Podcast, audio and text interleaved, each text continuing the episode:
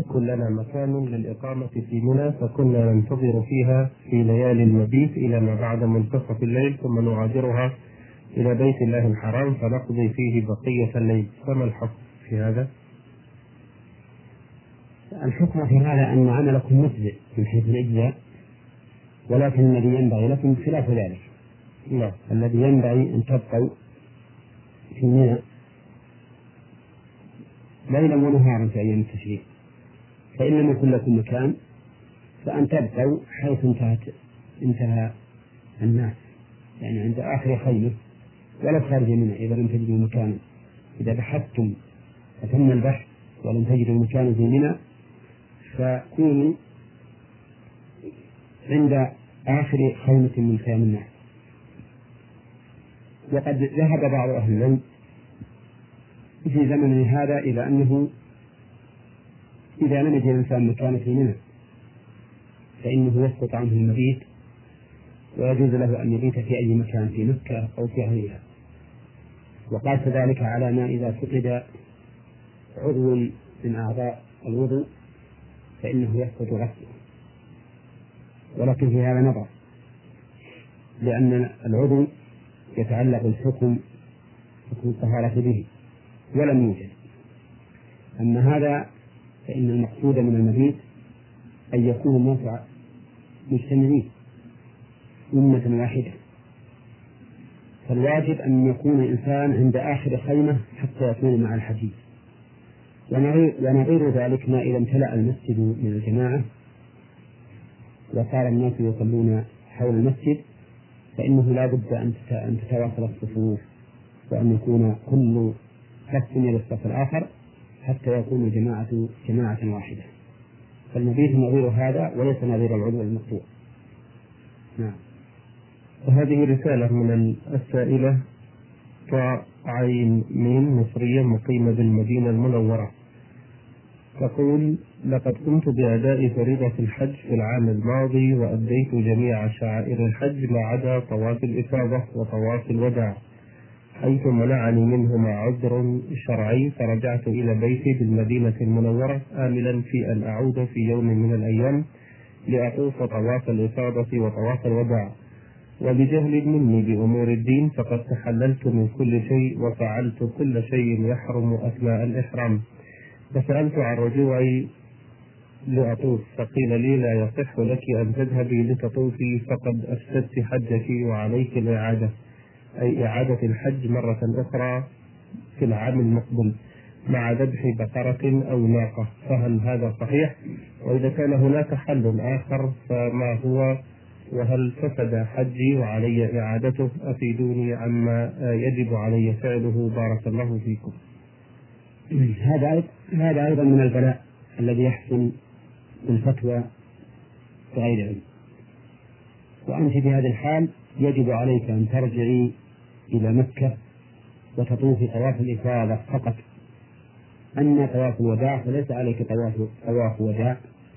ما دمت كنت حائرا عند الخروج من مكة. وذلك لأن الحائض لا يلزمها طواف الوداع. حديث ابن عباس رضي الله عنهما أمر الناس أن يكون آخر عهدهم بالبيت إلا أنه خفف عن الحائض. وفي رواية لأبي داود أن يكون آخر عهدهم بالبيت الطواف ولأن النبي صلى الله عليه وسلم لما أخبر أن صفية قد قد طاف طواف الإفاضة قال فلتنزل إذا دل هذا على أن طواف الوداع يسقط عن الحائض. أما طواف الإفاضة فلا بد لك منه. وأما كنت تحللت من كل شيء جاهلة فإن هذا لا يضرك لأن الجاهل الذي يفعل شيئا من محظورات الإحرام لا شيء عليه كقوله تعالى ربنا لا تؤاخذنا إن نسينا وأخطأنا فقال الله قد فعلت. ولقوله تعالى وليس عليكم جناح فيما أخطأتم به ولكن ما تعمدت قلوبكم. فجميع المحظورات التي منعها الله تعالى المحرم إذا فعلها جاهلا أو ناسيا أو مكرها فلا شيء عليه. لكن عليه متى زال عذره؟ أن يعود ويقلع عما تلبس به. المحظورات جميعها بدون استثناء؟ المحظورات جميعها بدون استثناء. نعم. نعم. إذا فعلها ناسا أو جاهلا أو مكرها فلا شيء عليه. لكن متى ذكر أو علم أو زال إكراهه وجب عليه الإقلاع عما تلبس به من المحظور. جزاكم الله خيرا. هذا السائل محمود محمود خطاب. مصري يعمل بالمملكة الدوازني بعث بسؤالين سؤاله الأول يقول قمنا بأداء فريضة الحج في العام الماضي أنا وبعض من زملائي وكانت النية في الإحرام بالتمتع ولكن الذي حدث أننا بعد تأديتنا لطواف وسعي العمرة لم نحل من إحرامنا ولم نقصر أو نحلق بل استمرينا كذلك على إحرامنا إلى أن ذبحنا الهدي ثم خلعنا الإحرام فهل حجنا صحيح بهذا الشكل أم يجب علينا فعل شيء ما؟ أرشدونا أثابكم الله. يجب علينا أي بل يجب عليك أن تعرف أن الإنسان إذا أحرم متمتعا فإنه إذا طاف وسعى قصر من شعره من جميع الرأس وحل من إحرامه. هذا هو الواجب. فإذا استمرت في إحرامك فإن كنت قد نويت الحج قبل أن تشرع في الطواف أي في طواف العمرة فهذا لا حرج عليك. تكون قارنا ويكون ما أديته من الهدي عن القرآن. وإن كنت بقيت على نية العمرة حتى تفت وسعيت فإن كثيرا من أهل العلم يقول إن إحرامك بالحج غير صحيح. لأنه لا يصح يدفع الحج على العمرة بعد الشروع في طوافها ويرى بعض أهل العلم أنه لا بأس به وحيث إنك جاهل في هذه الحال فأرى أن لا شيء عليك وأن حجك صحيح إن شاء الله. له سؤال ثاني ولكنه لا يتعلق بالحج. يقول ما هو مصير الأطفال الذين يموتون دون البلوغ والتكليف سواء كانوا مسلمين أو غير مسلمين من ناحية آه، مصيرهم في الآخرة وهل الحديث الذي معناه أن كل مولود يولد على الفطرة ينطبق حتى على أطفال غير المسلمين؟ مصير أطفال المؤمنين الجنة لأنهم تبعوا لآبائهم قال الله تعالى والذين آمنوا واتبعتهم ذريتهم بإيمان ألحقنا بهم ذريتهم وما ألتناهم من عملهم من شيء كل امرئ بما كسب رهين. وأما أطفال غير المؤمنين يعني الطفل الذي نشأ من أبوين غير مسلمين. نعم. فأصح الأقوال فيهم أن نقول الله أعلم بما كانوا عاملين. فهم في أحكام الدنيا بمنزلة آبائهم. أما في أحكام الآخرة فإن الله أعلم بما كانوا عاملين كما قال النبي صلى الله عليه وسلم. والله أعلم بمآلهم. هذا ما نقوله وهو في الحقيقة أمر لا يعنينا كثيرا. إنما الذي يعنينا هو حكمهم في الدنيا. وأحكامهم في الدنيا أعني أوراد المشركين الذين من أبوين كافرين أحكامهم في الدنيا أنهم كالمشركين. بمعنى أنهم لا يغسلون ولا يكفنون ولا يصلى عليهم ولا يدخلون في مقابرنا. نعم. هذا سؤال من المستمع إبراهيم السيبراني. يقول لقد أديت فريضة الحج ووجبت علي الفدية بسبب بعض الأخطاء في مناسك الحج وبسبب نقص المال لم أتمكن من ذبح الفدية في الحج. فهل يجوز أن أفدي في بلدي وأطعمه إلى الفقراء عندي أم ماذا أفعل؟ لا يجوز هذا لأن دم الموت على القرآن يجب أن يكون في الحرم في مكة أو في منى أو في داخل أمين الحرم وإذا كنت في ذلك الوقت لا شيء عندك فإن الواجب كما أمر الله عز وجل أن تصوم ثلاثة أيام في الحج وسبعة إذا رجعت إلى أهلك يظهر أن هذا الذبح الذي يجب عليه دم جبران لأنه يقول بسبب بعض الأخطاء في مناسك الحج. إذا كان دم جبران نعم لا بد أن نعرف ما هو هذا الشيء الذي حصل إن كان ترك واجب ففيه فدية يذبحها في مكة لأنها تتعلق بالنسك ولا يجزئ في غير مكة.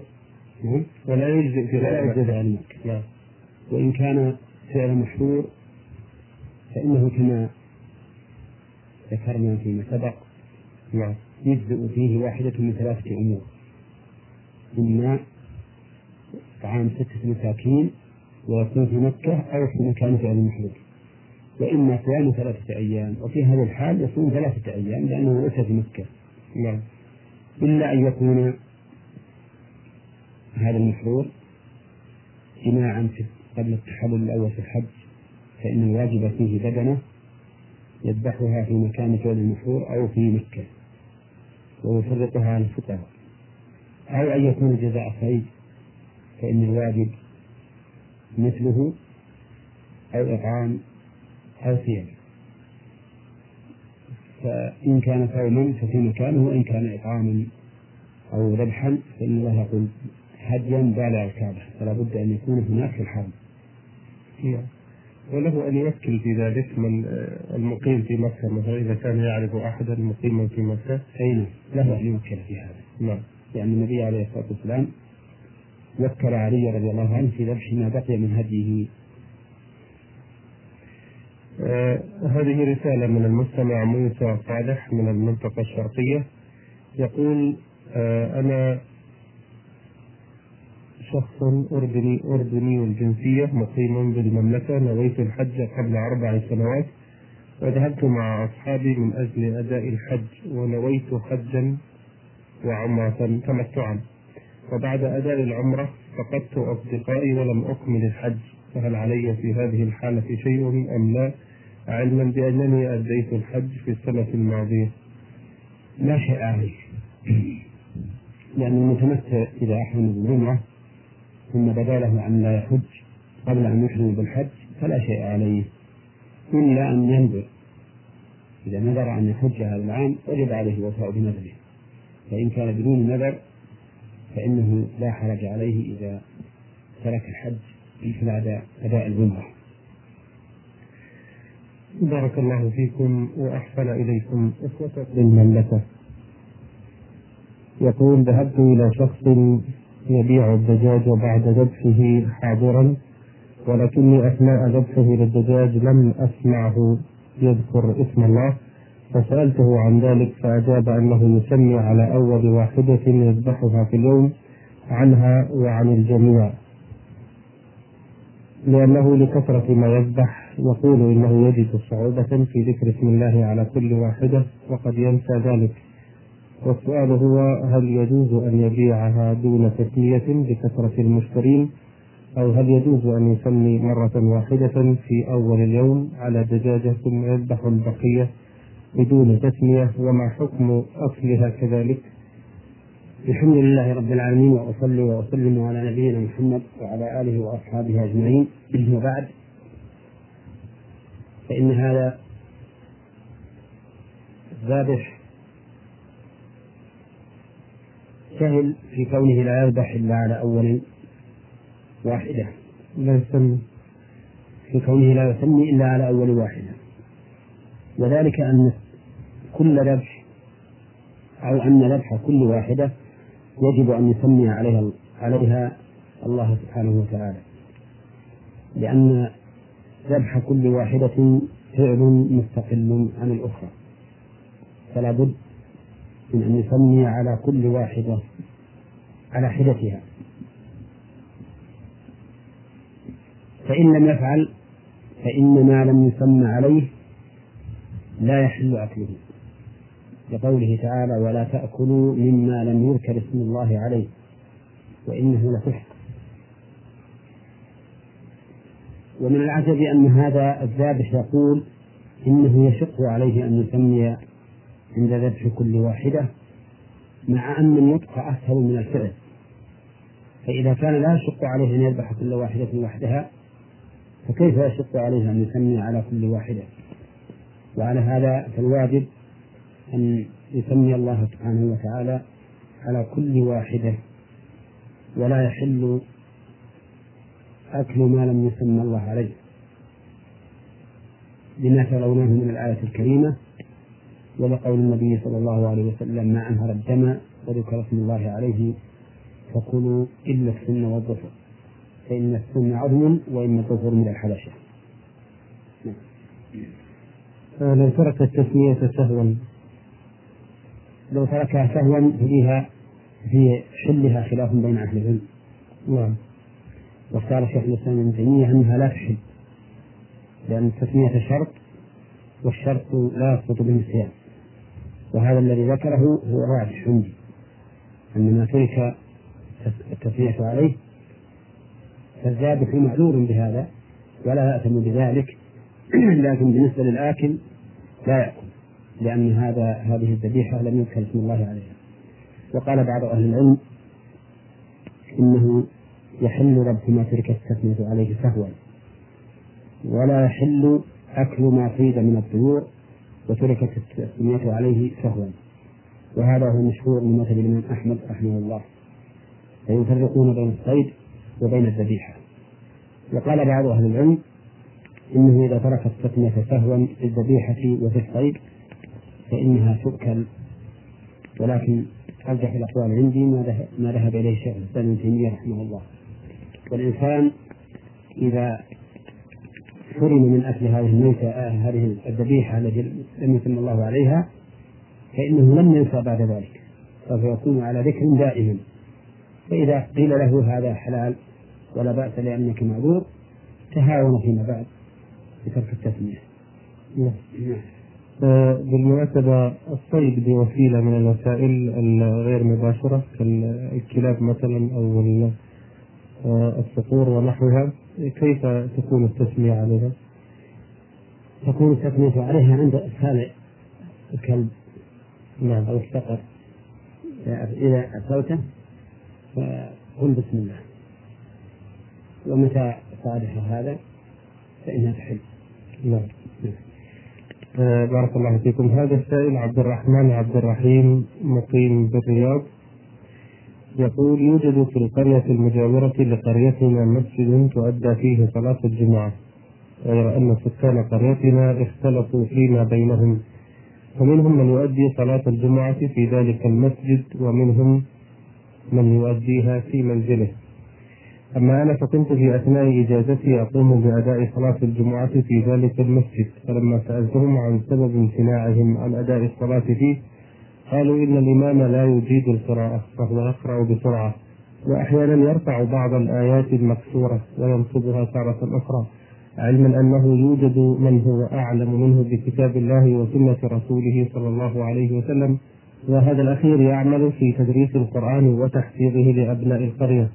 وحسب اعتقادي أن سكان تلك القرية لم يجعلوا هذا الرجل إماما لهم لأنه غريب أي ليس من عائلتهم. علما بأنه مقيم بهذه القرية ومتزوج منها. فهل تصح الصلاة خلف الإمام الأول؟ إذا كان الإمام الأول لا يلحن لحن يحيل المعنى فإن الصلاة خلفه تصح. أما إذا كان يلحن لحن يحيل المعنى فإنه لا يصلى خلفه.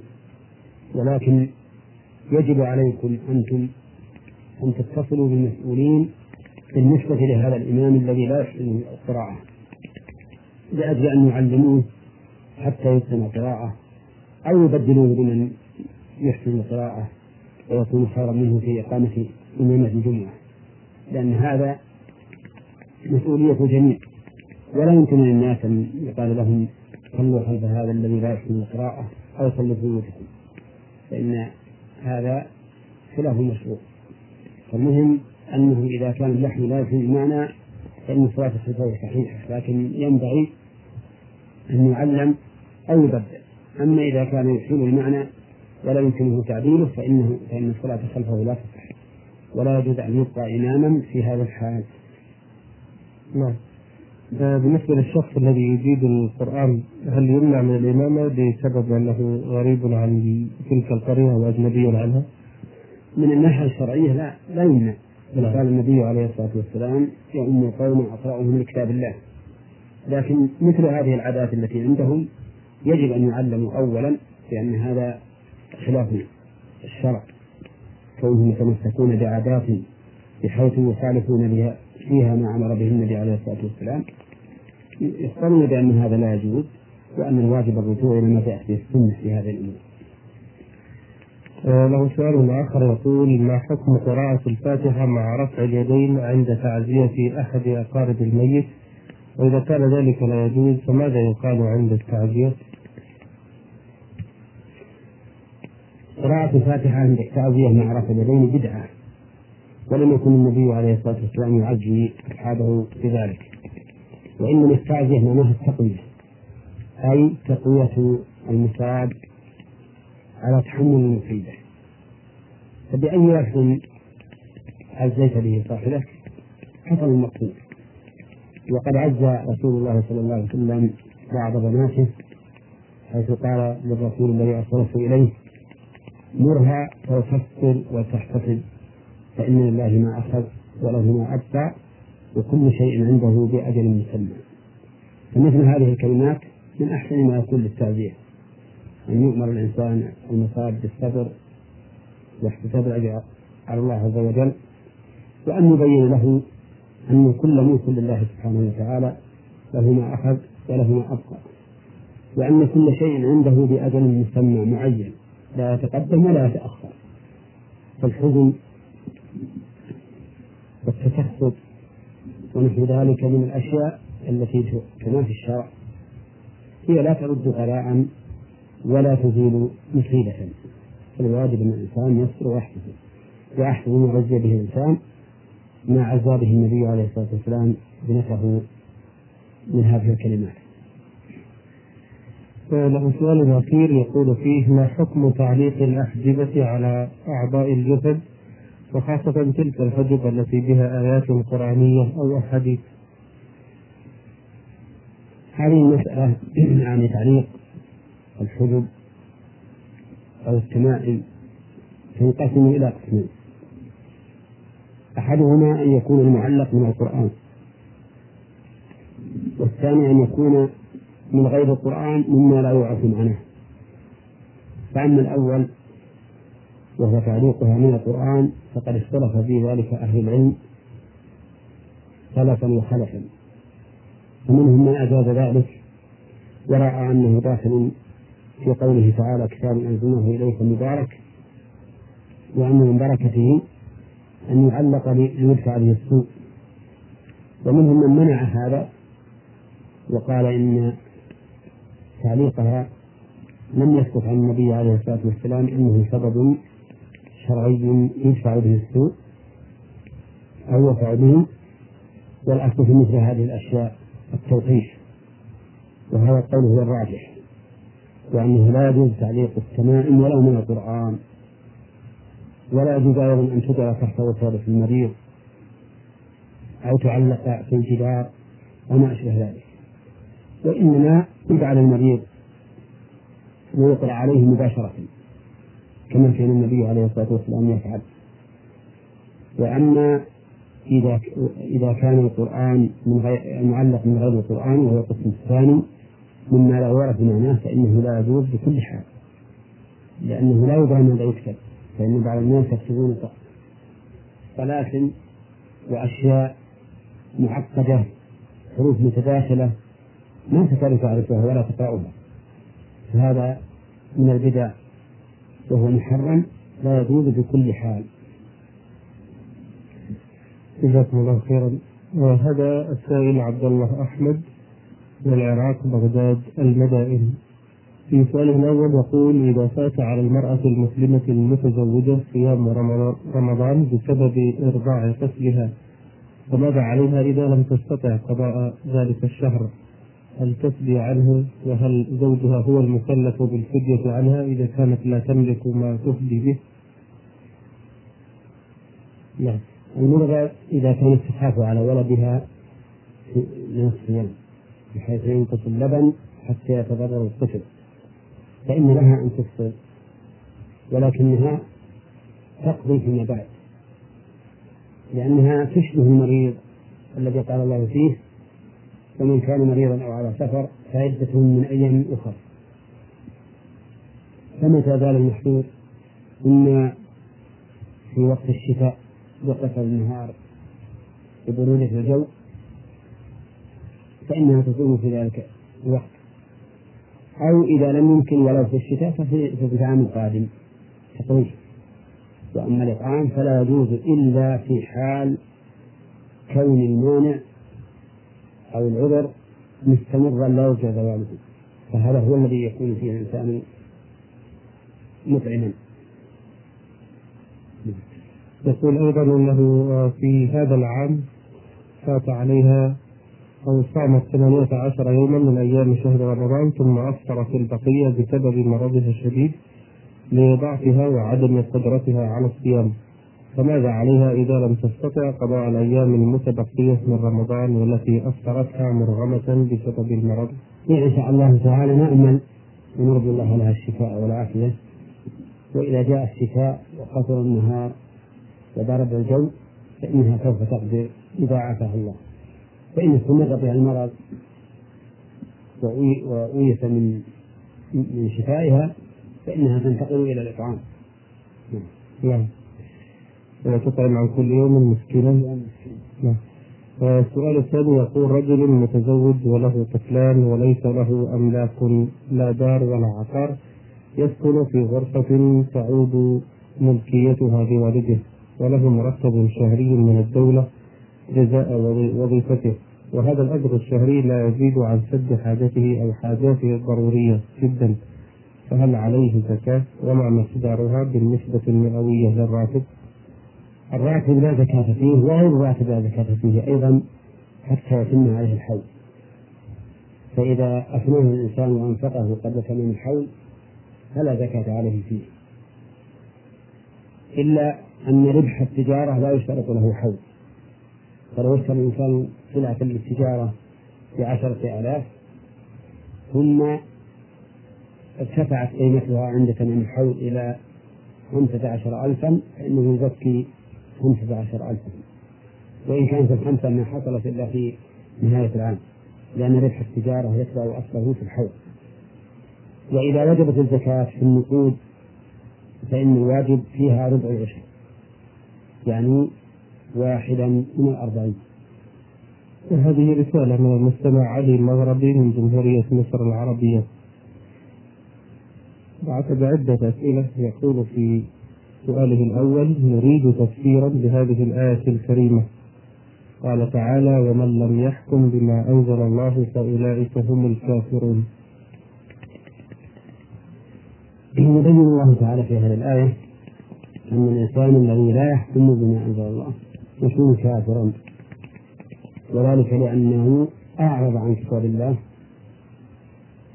وعما أنزله على رسله إلى حكم طاغوت مخالف لشريعة الله.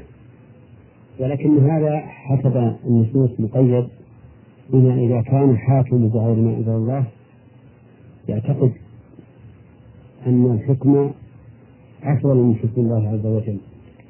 وأنفع للعباد وأولى بهم وأن حكم الله غير صالح لأن يحكم به بين العباد.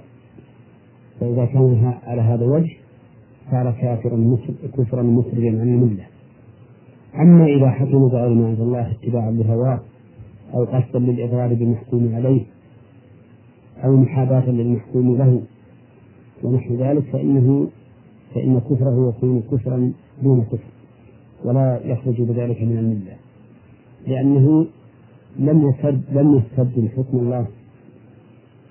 لم يستبدل لم يستبدل بحكم الله غيره زهدا في حكم الله ورغبة عنه واعتقادا أن غيره أصلح وإنما فعل هذا لأمر في نفسه.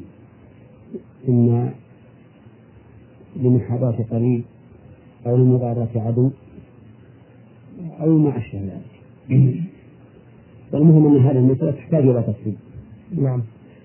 السؤال الثاني يقول ما حكم تارك الصلاة وهو يزعم أنه مسلم ويشهد أن لا إله إلا الله وأن محمدا رسول الله ولم يجحد فرضيتها ولكنه تهاون بها وتكاسل عنها؟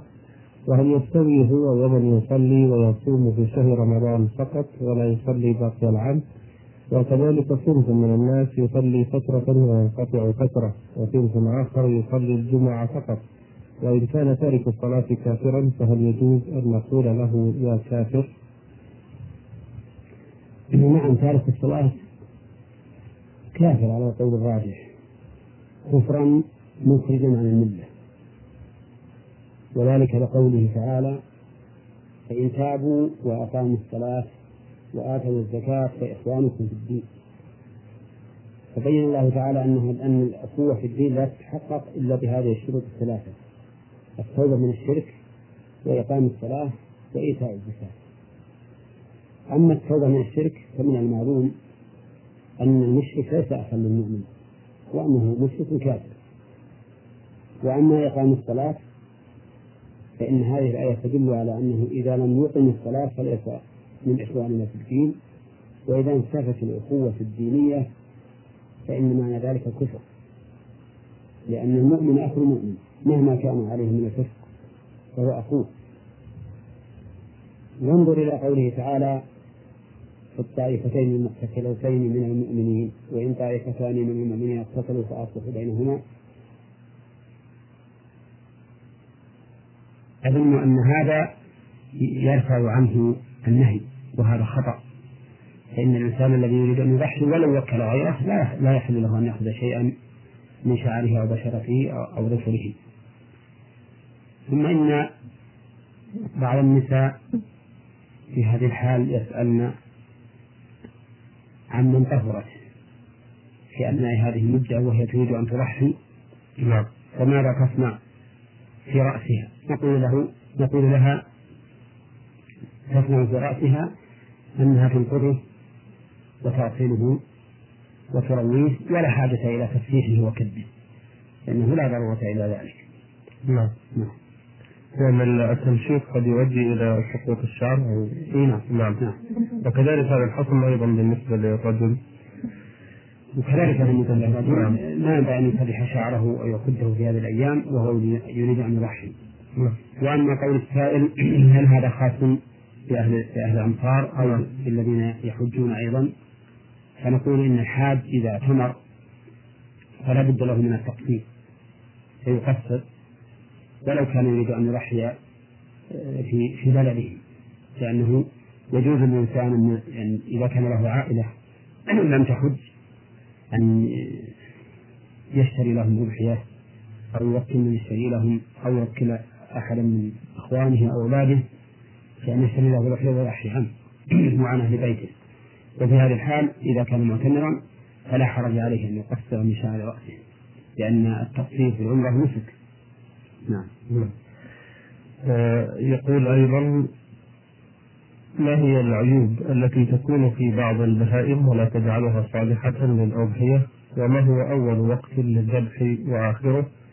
وهل يجزئ أن يذبح عن الإنسان غيره ولو لم يذكر أنها عن فلان؟ العيوب التي تمنع من العزة بينها النبي عليه الصلاة والسلام في حديث البراء بن عازب بن عازب رضي الله عنه. قال عليه الصلاة والسلام أربع لا تجوز في الأضاحي. المريضة البين مرضها والعوراء البين عورها والعرجاء البين ذلعها والكبيرة أو الكثيرة أو العشرة التي لا التي لا مخ فيها. هذه هي العيوب الأربعة التي تمنع من من الإنزاء ولا يجوز الترحية إذا كانت البهيمة متصفة بها. وما كان بمعناها أو مثلها فهو مثل هذا الحكم. فالعورة البين عورها هي التي يتبين لمن رآها أنها عورة بحيث تكون العين ناتئة أو غائرة أو عليها بياض بين يتبين لمن آثار المرض وأعراض المرض بأن تكون غير نشيطة ولا تأكل حارة وما أشبه ذلك مما يستدل به على مرضها. والعرجاء بين ضلعها قال أهل العلم إنها هي التي لا تستطيع المشي مع الصحيحة. وأما التي تستطيع المشي مع الصحيحة وتباريها وإن كانت تعرج فإنها لا لا بأس بها.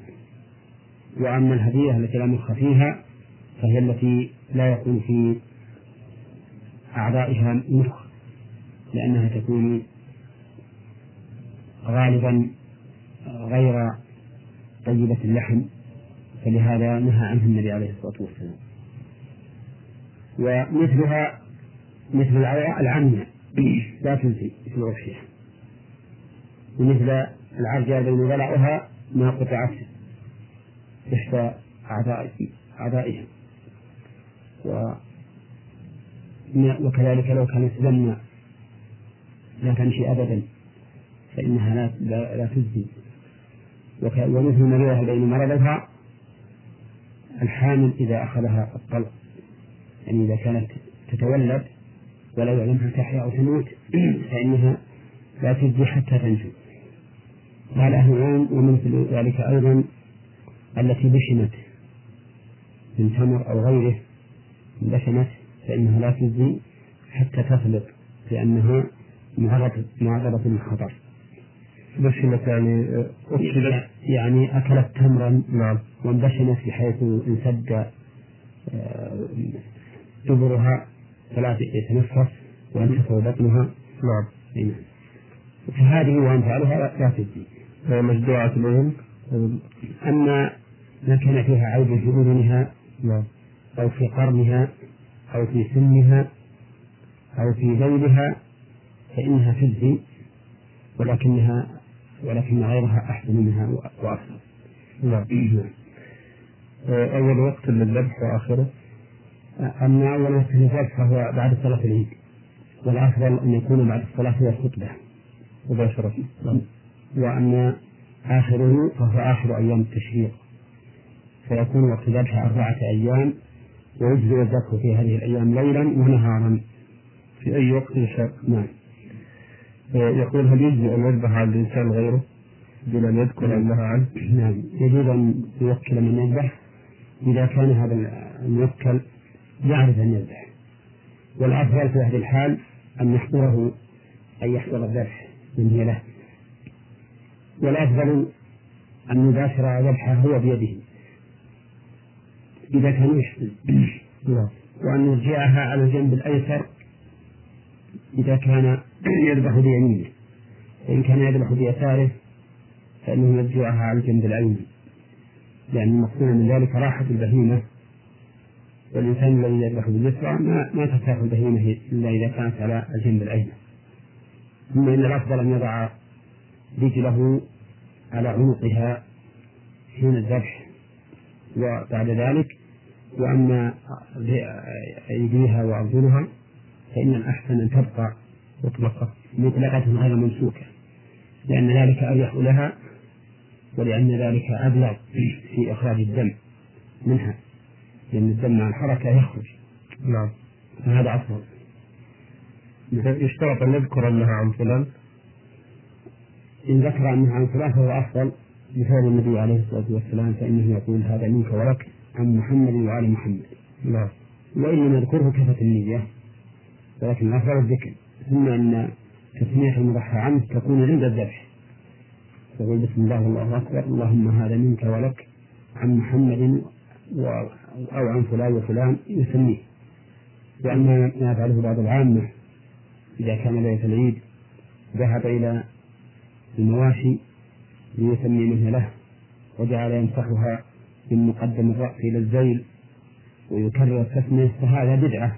لا أصل له عن النبي عليه الصلاة والسلام. نعم. نعم. هل يجوز توكيل غير المسلم في الذبح؟ أما في في غير القربة فيجوز في غير القربة يعني يعني في غير الأضحية؟ في غير الأضحية والهدي. نعم. وأما في الهدي والأضحية فلا أدري عنه. هي في الواقع أعتقد أنها عبادة يعني من العبادات. معلوم أنها نعم. يعني إذا لكن هذه العبادة فيها نوع من عبادة المال نعم. وتوكيل غير المسلم في هذا.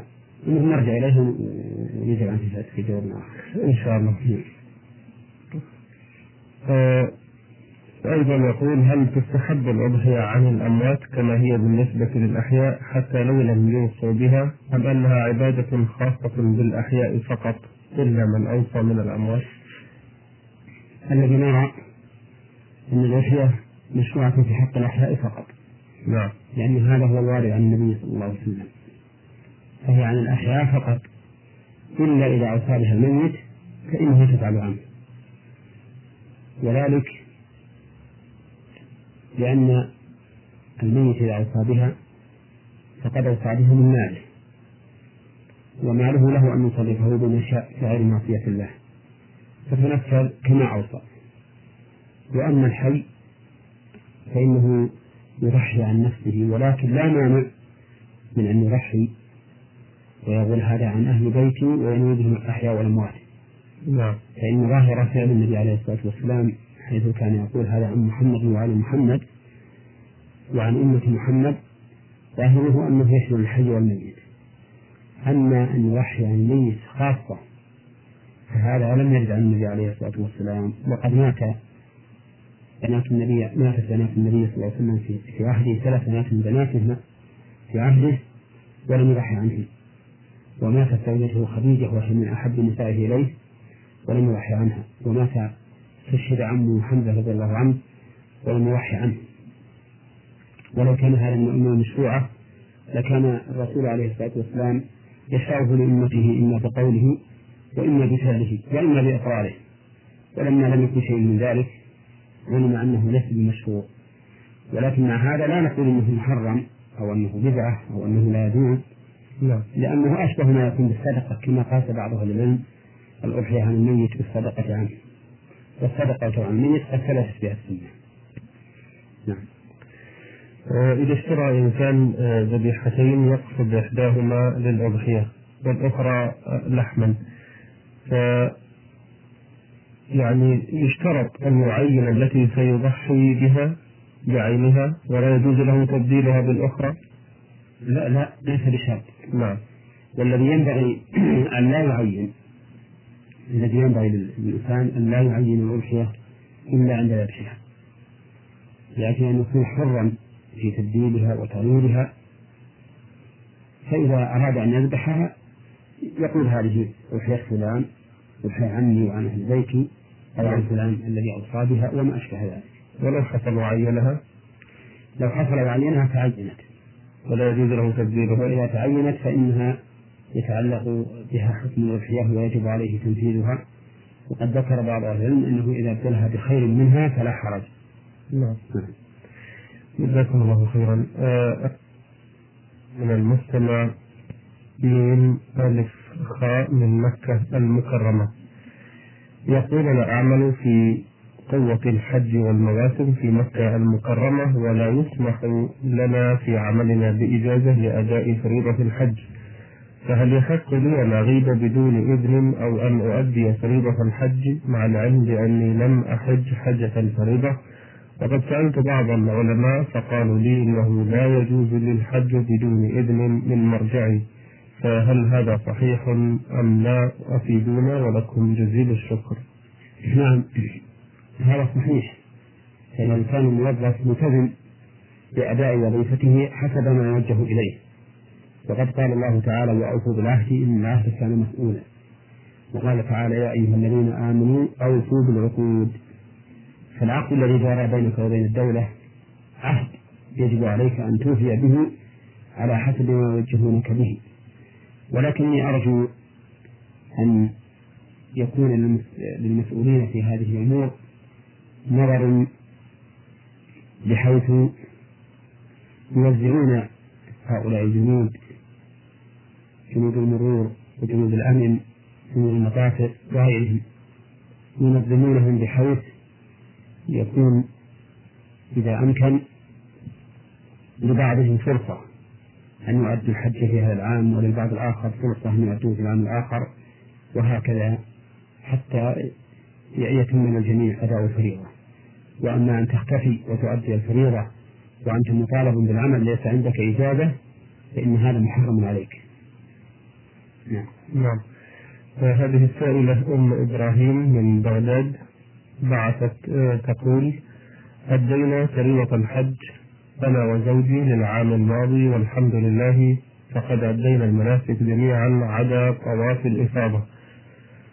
بالنسبة لي فقط وأنا والحمد لله في كامل صحتي وقوتي ولكن لشدة الزحام وخوفا من أن يغمى علي وقد بدأت فعلما كاد أختنق ثم خرجت من في الشوط الأول من الطواف وأدى زوجي الطواف في اليوم الثاني فجرا وخرجنا من مكة المكرمة ولم يبق لدي الوقت الكافي.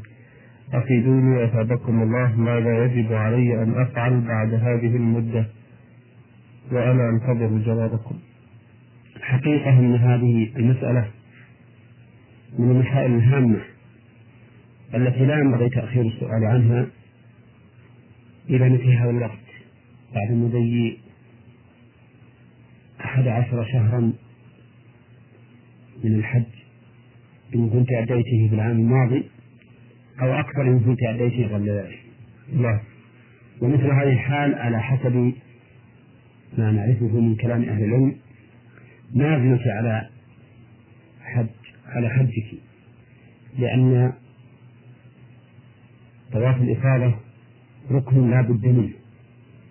ولهذا لما قيل للنبي عليه الصلاة والسلام إن صفية رضي الله عنها حائض.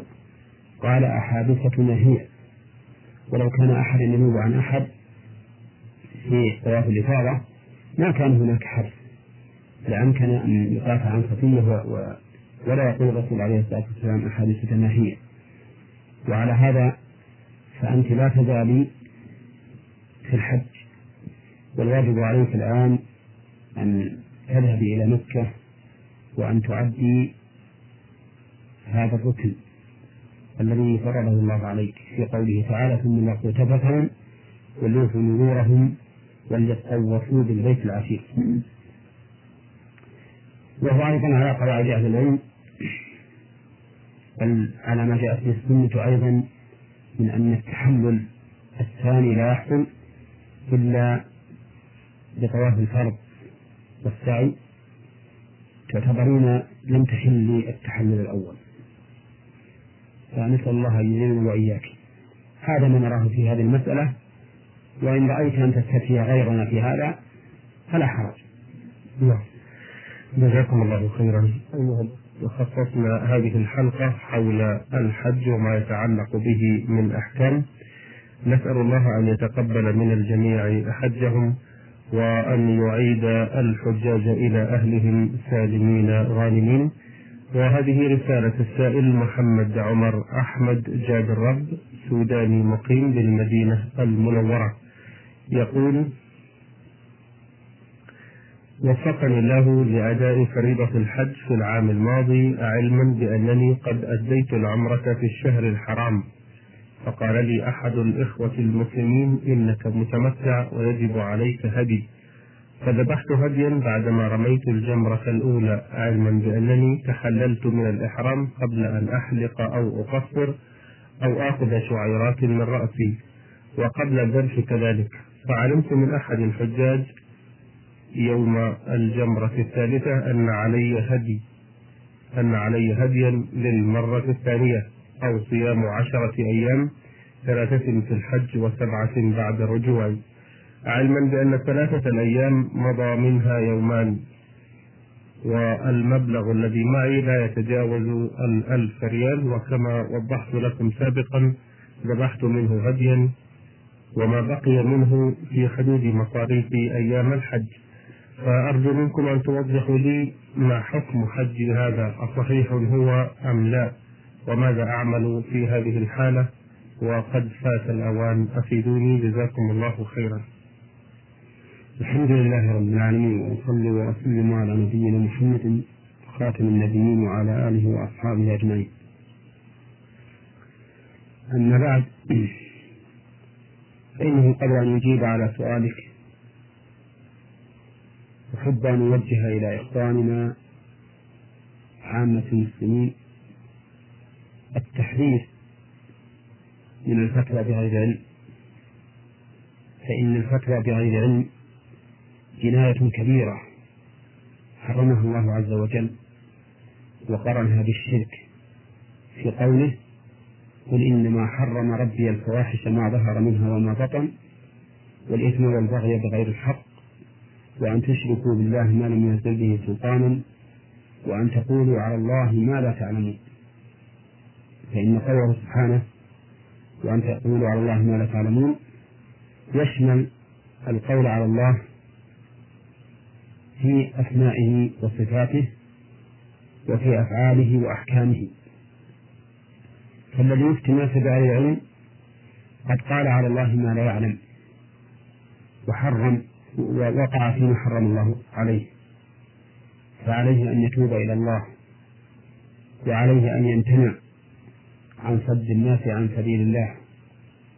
فإن المفتي بأهل العلم يعتمد المستفتي فتواه فإذا كانت خاطئة فقد صده عن سبيل الله ومنعه من سؤال أهل العلم لأنه يعتقد أعني هذا المستفتي يعتقد أن ما أجابه به هذا المفتي الخاطئ صواب فيقف عن سؤال غيره. وحينئذ يكون هذا المفتي الخاطئ يكون صادا للناس عن سبيل ربهم. وما أكثر الفتاوى التي نسمعها في الحج خاصة وهي فتاوى خاطئة بعيدة عن الصواب بل ليس فيها شيء من الصواب. تكاد تقول عند كل عمود خيمة عالم يفتي الناس وهذا من الخطورة بمكان. الواجب على المرء أن يتقي ربه وأن لا يفتي إلا عن علم. يأخذه من كتاب الله أو من سنة رسوله صلى الله عليه وسلم أو من أقوال أهل العلم الذين يوثق بأقوالهم. فهذا الذي أفتاك بما فعلت. لأن عليك هديا أو صيام عشرة أيام أخطأ في ذلك. العمل الذي عملته وهو أنك تحللت بعد أن رميت جمرة العقبة ولبست ثيابك ظانا أن ذلك جائز قبل الحلق لا شيء عليك فيه. بل إن بعض أهل العلم يقول إن من رمى جمرة العقبة يوم العيد فقد حل من كل شيء إلا من النساء.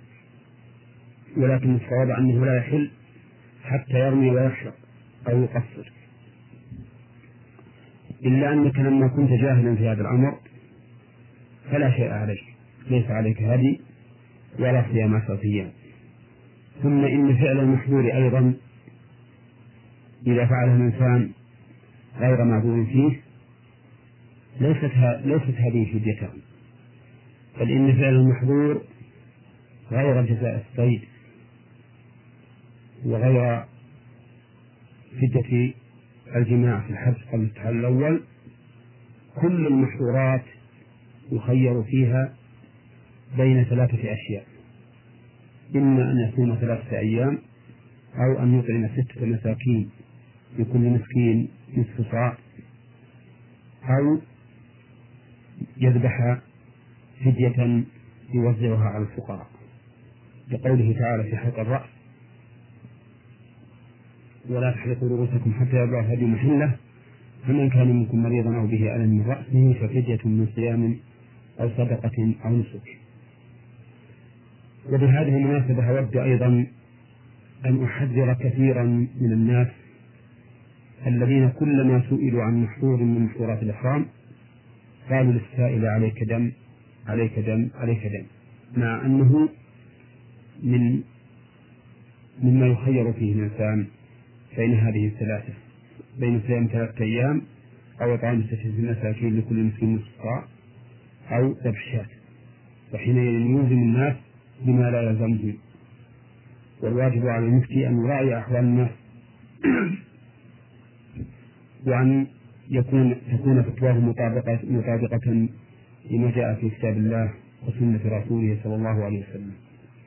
والخلاصة خلاصة جواب هذا في في شيئين.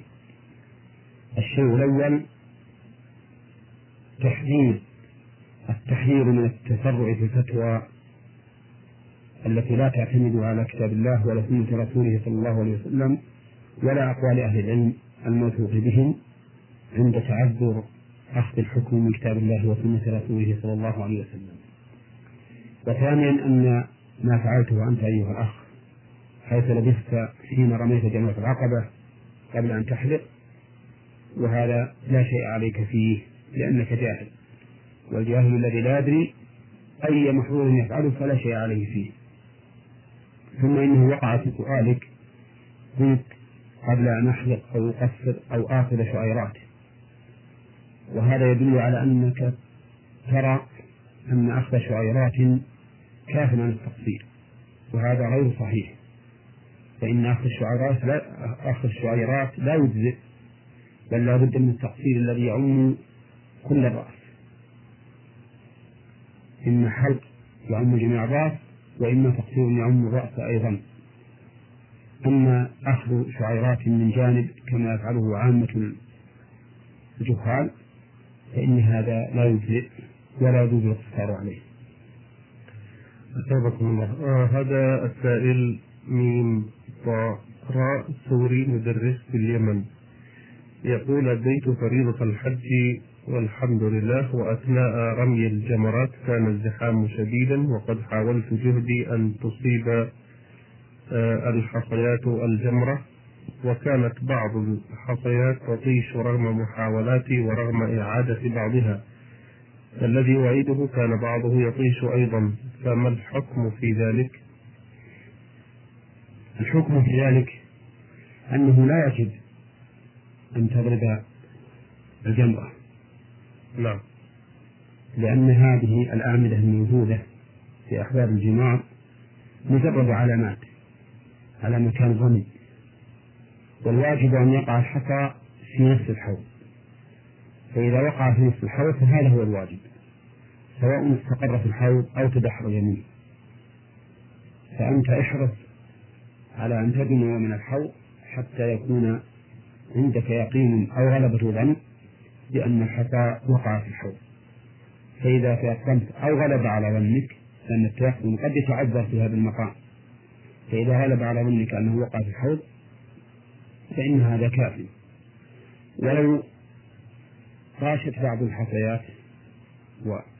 ولم تقع في الحوض فلا حرج عليك أن تأخذ من تحت قدمك وترمي بقية الحصيات. نعم. لو صعب عليه أن يأخذ من تحت قدميه كما تفضلتم لشدة الزحام ولكنه عاد ورجع مرة أخرى واستأنف البقية. لا حرج عليه. يصح يكمل لو لو لو تعذر عليه. العدد التي طاشت منه فقط. لا نعم.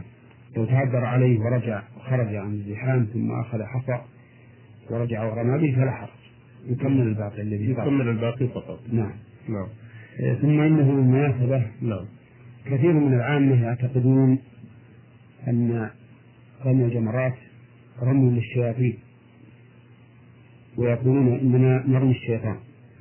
وتجد الإنسان يجد منه يأتي منهم بعنف شديد وحنق وغيظ وصياح وشتم وسب لهذه الجمرة. والعياذ بالله. حتى إني رأيت قبل أن تبنى الجسور على الجمرات رأيت رجلا وامرأته وقد ركبا على الحصى يضربان بالحذاء أو بالجزمات يضربان هذا العمود الشاخص ويصدانه ويلعنانه والحصى من العجيب أن الحصى يضربهما ولا يباليان بهذا. وهذا من الجهل العظيم. فإن رمي هذه الجمرات عبادة عظيمة. قال فيها رسول الله صلى الله عليه وسلم إنما جعل الطواف بالبيت وبالصفا والمروة ورمي الجمار لإقامة ذكر الله. هذا هو الحكمة من هذه الجمرات. ولهذا يكبر الإنسان عند كل حصاة ليس يقول أعوذ بالله من الشيطان الرجيم بل يكبر يقول الله أكبر. تعظيما لله الذي شرع رمي هذه الحصى. وهو في الحقيقة يعني رمي الجمرات غاية التعبد والتذلل لله سبحانه وتعالى. لأن الإنسان لا يجد لا يعرف حكمة من رمي هذه الجمرات في هذه الأمكنة إلا أنها مجرد تعبد لله سبحانه وتعالى. وانقياد الإنسان لطاعة الله وهو لا يعرف الحكمة أبلغ في التذلل والتعبد. لأن العبادات منها ما حكمته معلومة الدم وظاهرة. فالإنسان ينقاد لها تعبدا لله تعالى وطاعة له ثم اتباعا لما يعلم فيها من هذه المصالح. ومنها ما لا يعرف حكمته ولكن كون الله يأمر بها ويتعبد بها عباده هي حكمة. كما قال الله تعالى وما كان لمؤمن ولا مؤمنة إذا قضى الله ورسوله أمرا أن يكون لهم الخيرة من أمرهم. وما يحصل للقلب من الإنابة إلى الله والخشوع والاعتراف بكمال الرب ونقص العبد وحاجته إلى ربه ما يحصل له في هذه العبادة فهو من أكثر المصالح وأعظمها. نعم. إنما أمكنتها أليست هي التي كان الشيطان يقف فيها يتمثل لإبراهيم الخليل عليه السلام؟ هذا ورد في الحديث. نعم. والله أعلم بصحته. وحتى لا على فرض صحته فإنه لا يعني أننا نحن نفعلها نفعل ذلك كما فعله إبراهيم. نعم. على رأيت السعي؟ بين الصفا والمروة أصله سعي أم إسماعيل. بينهما بعد أن أصابها الجوع والعطش يتحسس هل حولها أحد؟ ونحن إنما نسعى لا لهذا الغرض. نعم. إنما نسعى تعبد الله عز وجل وتذلل إليه وافتقار إليه بأن يغفر لنا ويرحمنا. وإن كان أصل العبادة عملا معينا لا يلزم أن يستمر إلى إلى يوم القيامة. ثم هذا الرمل أيضا الرمل وهو في الأشواط الثلاثة الأولى في طواف القدوم أول ما يقدم الإنسان سواء كان طواف قدوم أو طواف عمرة هذا أصله أن النبي عليه الصلاة والسلام فعله ليغيظ المشركين به الذين قالوا حين قدم النبي عليه الصلاة والسلام في مدة القضاء قالوا إنه يقدم عليكم قوم وهنتهم ثم يرسل فأصل مشروعيته لهذا الغرض. ومع ذلك نحن الآن نفعله لا لإرادة المشركين لأن هذا قد زال نعم. لكنه بقي فيه التعبد. فهذا يدلنا على أنه لا يلزم من كون هذا العمل المعين من الأنساك أصله كذا أن يكون عملنا له الآن هو العمل لهذا الذي شرع من أجله. نعم. نعم.